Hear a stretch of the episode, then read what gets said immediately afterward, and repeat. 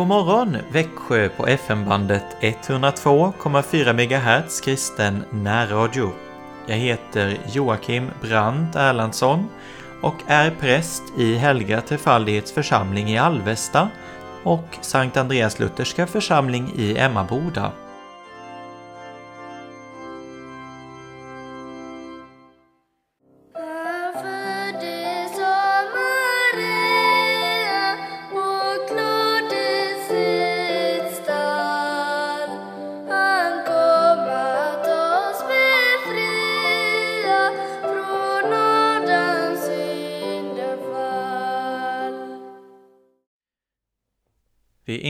Med att läsa ur boken Jesus, vårt enda hopp av Wilhelm Busch. Och vi fortsätter på rubriken Gud. Helt okej. Okay. Men vad ska vi ha Jesus till? Och på det svarar nu Wilhelm Busch att Jesus är den gode herden. Jesus är den gode herden. Du har nog upplevt hur otroligt ensam man kan bli och hur tomt livet faktiskt är så tänker du plötsligt. Det är något jag saknar. Men vad? Låt mig få säga dig, det är den levande frälsaren som fattas dig. Jag har just talat om att Jesus dog på korset för att betala vår skuld. Lägg märke till den här meningen. Straffet blev lagt på honom för att vi skulle få frid. Och så la man honom i graven, en klippgrav, och rullade en tung stenplatta framför ingången. Och för att ingen skulle kunna ta honom därifrån hade den romerske ståthållaren förseglat stenen och satt ut romerska legionärer till att vakta graven. Jag tänker mig att det var kraftiga karar. Karar som hade kämpat i världens alla länder, i Galileen, alltså nuvarande Frankrike, i Germanien, det vill säga Tyskland, i Asien och i Afrika. Det var ärriga gossar. Och nu står de där i morgongryningen, den tredje dagen, med skölden på armen, kastspjutet i högra handen och hjälmen på huvudet. En romersk legionär var vaksam. Man kunde lita på honom. Och så blir det en gång fullt dagsljus. Bibeln säger en Herrens ängel rullade bort stenen. Och Jesus kommer ut ur graven. Det är så överväldigande att soldaterna svimmar. Ett par timmar senare möter Jesus en stackars kvinna. Bibeln säger om henne att hon hade haft sju onda andar i sig som Jesus hade drivit ut. Kvinnan gråter. Då kommer Jesus fram till henne. Men kvinnan svimmar inte. Tvärtom. Hon blir glad när hon känner igen den uppståndne Herren Jesus och säger Mästare. Hon är tröstad för hon vet Jesus, den gode herden, lever och är hos mig. Och just därför vill också jag ha Jesus. Jag behöver någon som håller mig i handen. Mig har livet kastat ner i dunkla djup. Jag har suttit i nazistiska fängelser för min tros skull. Då fanns det tider när jag tänkte, nu är det bara ett steg kvar innan vansinnets mörka rike omsluter mig och då finns det ingen återvändo. Och då kom Jesus. Och allt blev bra. Det kan jag verkligen intyga. I fängelset upplevde jag en kväll att helvetet var löst. De hade fört in en transport med människor som skulle föras till koncentrationsläger. Människor som inte längre hade något hopp. Dels kriminella, dels oskyldiga människor, judar. Denna lördagskväll greps dessa människor av förtvivlan. Och så började alla skrika och jämra sig. Du kan inte ens föreställa dig hur det lät. Ett helt hus med celler fulla av förtvivlan där alla skriker och bultar på dörrar och väggar. Vakterna blev nervösa och sköt med sina pistoler mot taket, sprang omkring, slog folk fördärvade. Och jag satt i min cell och tänkte, så blir det i helvetet. Det är svårt att beskriva det. I denna situation fick jag en tanke. Jesus, han är ju här. Det jag berättar för dig har jag verkligen personligen upplevt. Jag sa helt tyst, faktiskt mycket tyst, i min cell. Jesus, Jesus. Och efter tre minuter var det alldeles tyst. Förstår du? Jag ropade till honom inom mig. Ingen människa hörde vad jag sa, bara han. Och de onda andarna var tvungna att ge sig av. Och sedan sjöng jag, vilket var strängt förbjudet, högt och tydligt. Jesus all min glädje bliver, all min tröst och salighet. Jesus sorgen från mig driver, värnar mig i evighet. Han är ljus på levnadsstigen, all min kraft evinnerligen. Därför har jag stadig tro, därför får jag evig ro. Och alla fångarna hörde det. Vakterna sa inte ett ord om att jag sjöng högt. När jag slutar mina dagar, låt i ro mig somna in. Ske det när dig helst behagar, blott jag evigt bliver din. Kom, o Jesus, bli mig när, låt mig bliva där du är. Då upplevde jag något av vad det betyder att ha en levande frälsare.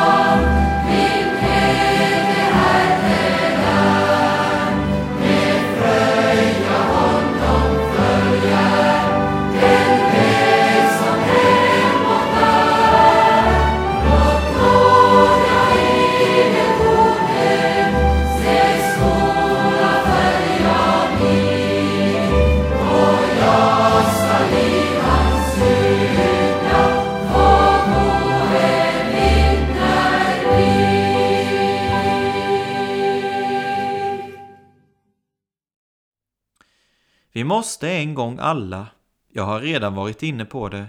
Igenom en bit av nöd. Döden. Det var en gång en person som förebrådde mig. Ni präster skrämmer alltid människorna med döden. Då svarade jag, den behöver jag inte skrämma någon med. Den är vi alla rädda för.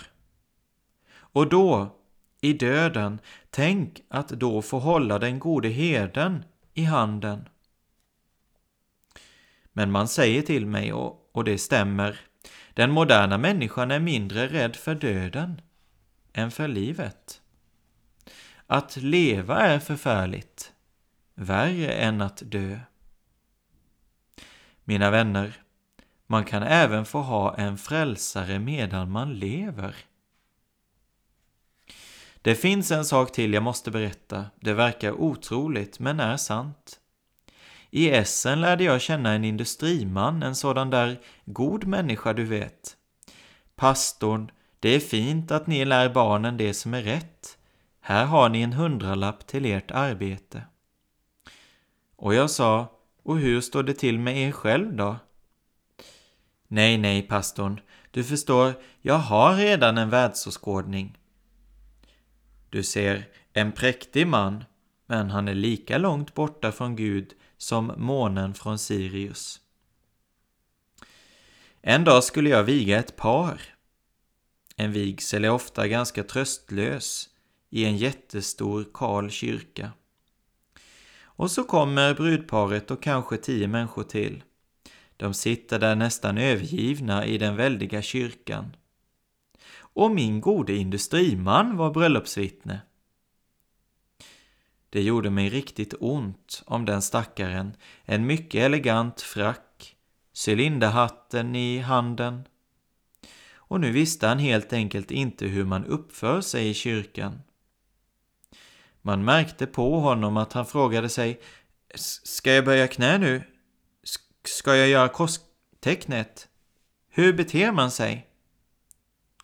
Nåja, jag hjälpte honom lite, tog ifrån honom hatten och lade den åt sidan. Sedan sjöngs en psalm. Han hade naturligtvis ingen aning om salmen, men det såg ut som om han sjöng med. Kan du föreställa dig denne man? En man som passar så bra in i världen. Och då inträffade något mycket märkligt. Bruden hade varit medhjälpare i söndagsskolan. Därför sjöng nu ungefär 30 små flickor en sång från läktaren. Med sina söta röster sjöng de den mycket enkla barnsång som du kanske känner till. Jag är ett litet, litet lamm som vilar tryggt i herdens famn. Hans famn, den är så stor och vid, den räcker till för dig och mig. Då tänker jag, vad, vad har hänt med mannen? Håller han på att bli sjuk? Han sjunker ihop, sätter händerna för ansiktet, darrar. Jag säger för mig själv, det är något som inte stämmer, jag måste kalla på en sjukvårdare.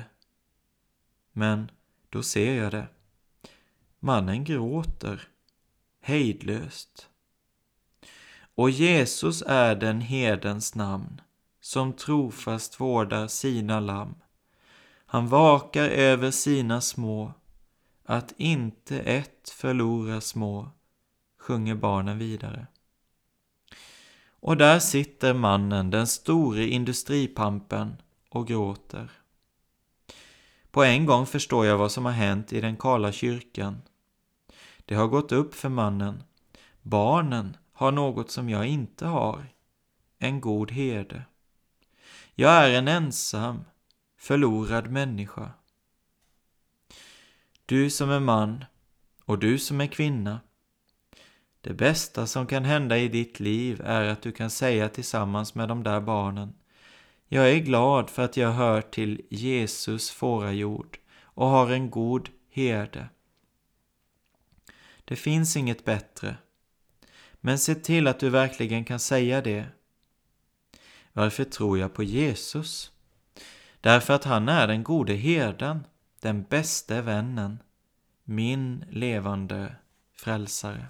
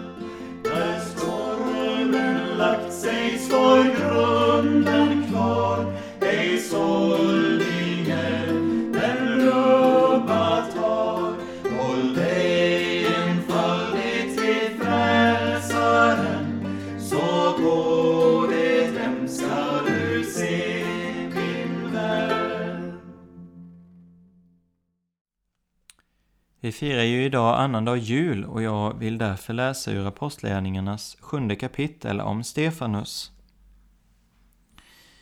Från vers 39. Men våra fäder ville inte lyda honom. Alltså Mose. De stötte honom ifrån sig och vände i sina hjärtan tillbaka till Egypten. De sa till Aron, gör åt oss gudar som ska gå framför oss, ty vad som har hänt den där Mose som förde oss ut ur Egypten, det vet vi inte. Och de gjorde vid den tiden en kalv och bar fram offer åt avguden och jublade över sina händers verk. Men Gud vände sig bort från dem och utlämnade dem till att dyrka himlens här, så som det står skrivet i profeternas bok. Bar ni väl framåt mig slaktoffer och andra offer under de 40 åren i öknen, ni av Israels hus? Nej, ni bar med er Moloks tält och guden Romfas stjärna, de bilder som ni hade gjort för att tillbe. Men jag ska föra er bortom Babylon. Våra fäder hade vittnesbördets tabernakel i öknen så inrättat som Gud hade bestämt. Han hade befallt Mose att göra det efter den förebild denne hade sett. Detta tabernakel fick våra fäder i arv och de förde det hit under Josuas ledning när de tog landet i besittning efter de folk som Gud drev undan för dem. Och där var tabernaklet fram till Davids tid. David fann nåd inför Gud och bad att han skulle finna en boning åt Jakobs Gud. Men det blev Salomo som byggde ett hus åt honom. Den högste bor dock inte i hus som är byggda av människohand. Profeten säger Himlen är min tron och jorden är min fotpall. Varför ett hus kan ni bygga åt mig, säger Herren, eller varför en plats där jag kan vila? Har inte min hand gjort allt detta? Hårdnackade är ni och oomskurna till hjärta och öron. Alltid står ni emot den helige Ande, ni som era fäder. Finns det någon profet som era fäder inte har förföljt? De dödade dem som förutsade att den rättfärdige skulle komma och honom har ni nu förrått och mördat, ni som har fått lagen förmedlad av änglar, men inte hållit den. När de hörde detta blev de ursinniga och skar tänder mot Stefanus. Men uppfylld av den helige Ande såg han upp mot himlen och fick se Guds härlighet och Jesus som stod på Guds högra sida.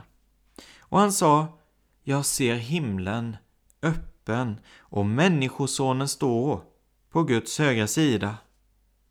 Då skrek de och höll för öronen och stormade alla på en gång fram emot honom och de drev ut honom ur staden och stenade honom. Och vittnena la sina mantlar vid fötterna på en ung man som hette Saulus. Så stenade de Stefanus under det att han bad Herre Jesus, ta emot min ande. Sedan föll han på knä och bad med hög röst Herre, ställ dem inte till svars för denna synd. Med de orden insomnade han, och Saulus hade gått med på att han dödades. Så läser jag en andakt ur andaktsboken Ett är nödvändigt av Hans-Erik Nissen.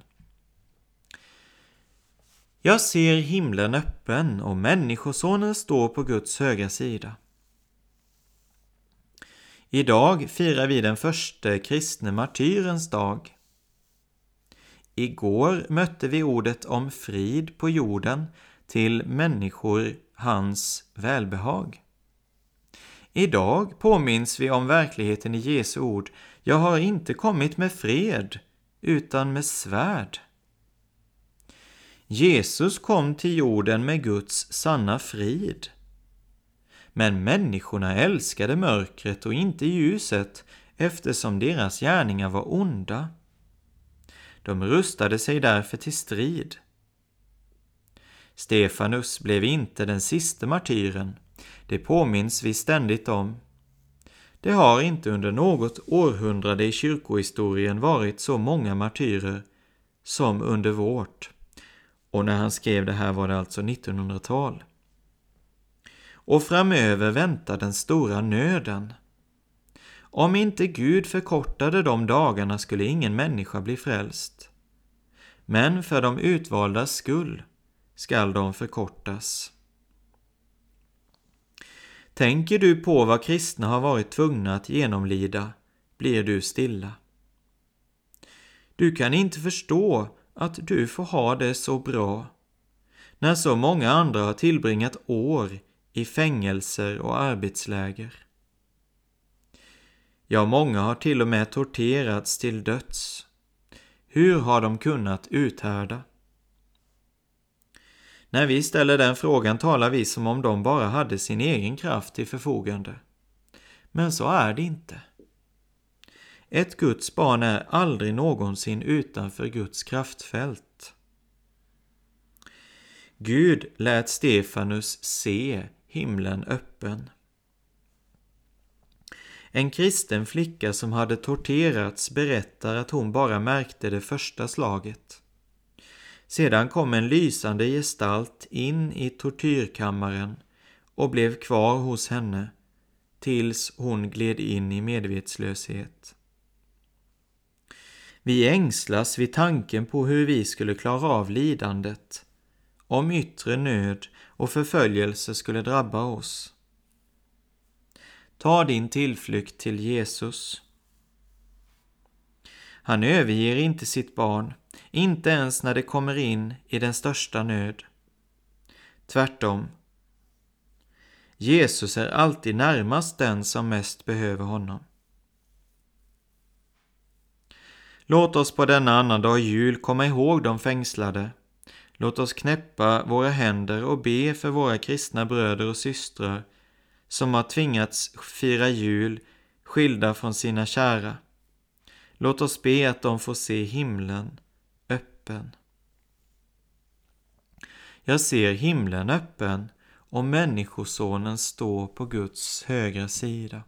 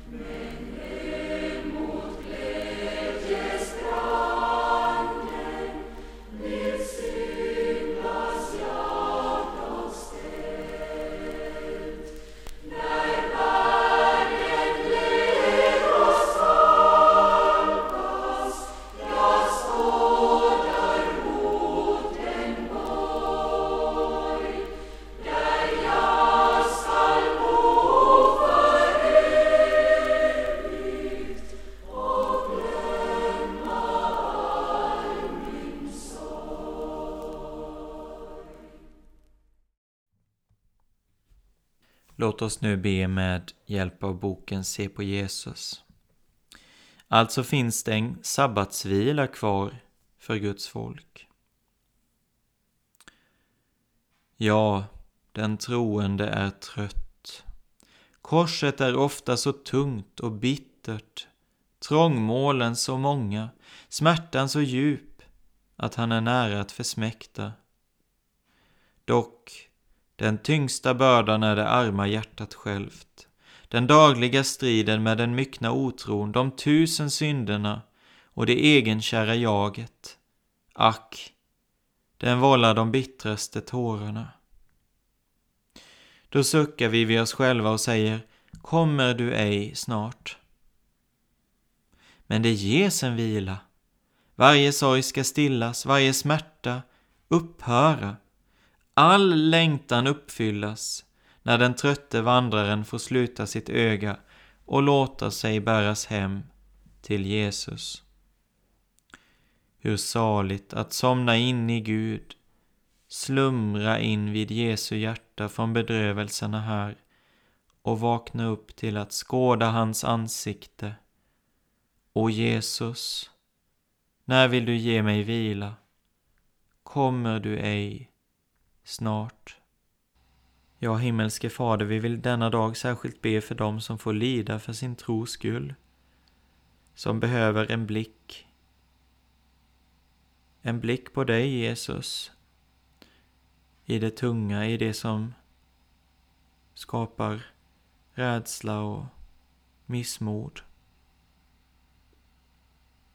Herre, du är den gode herden som vi har hört. Vi ber att du tar deras och vår hand.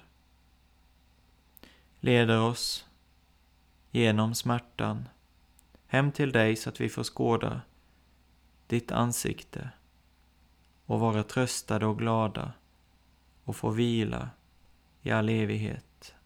Herre, gör detta med oss för ditt namns skull. Amen.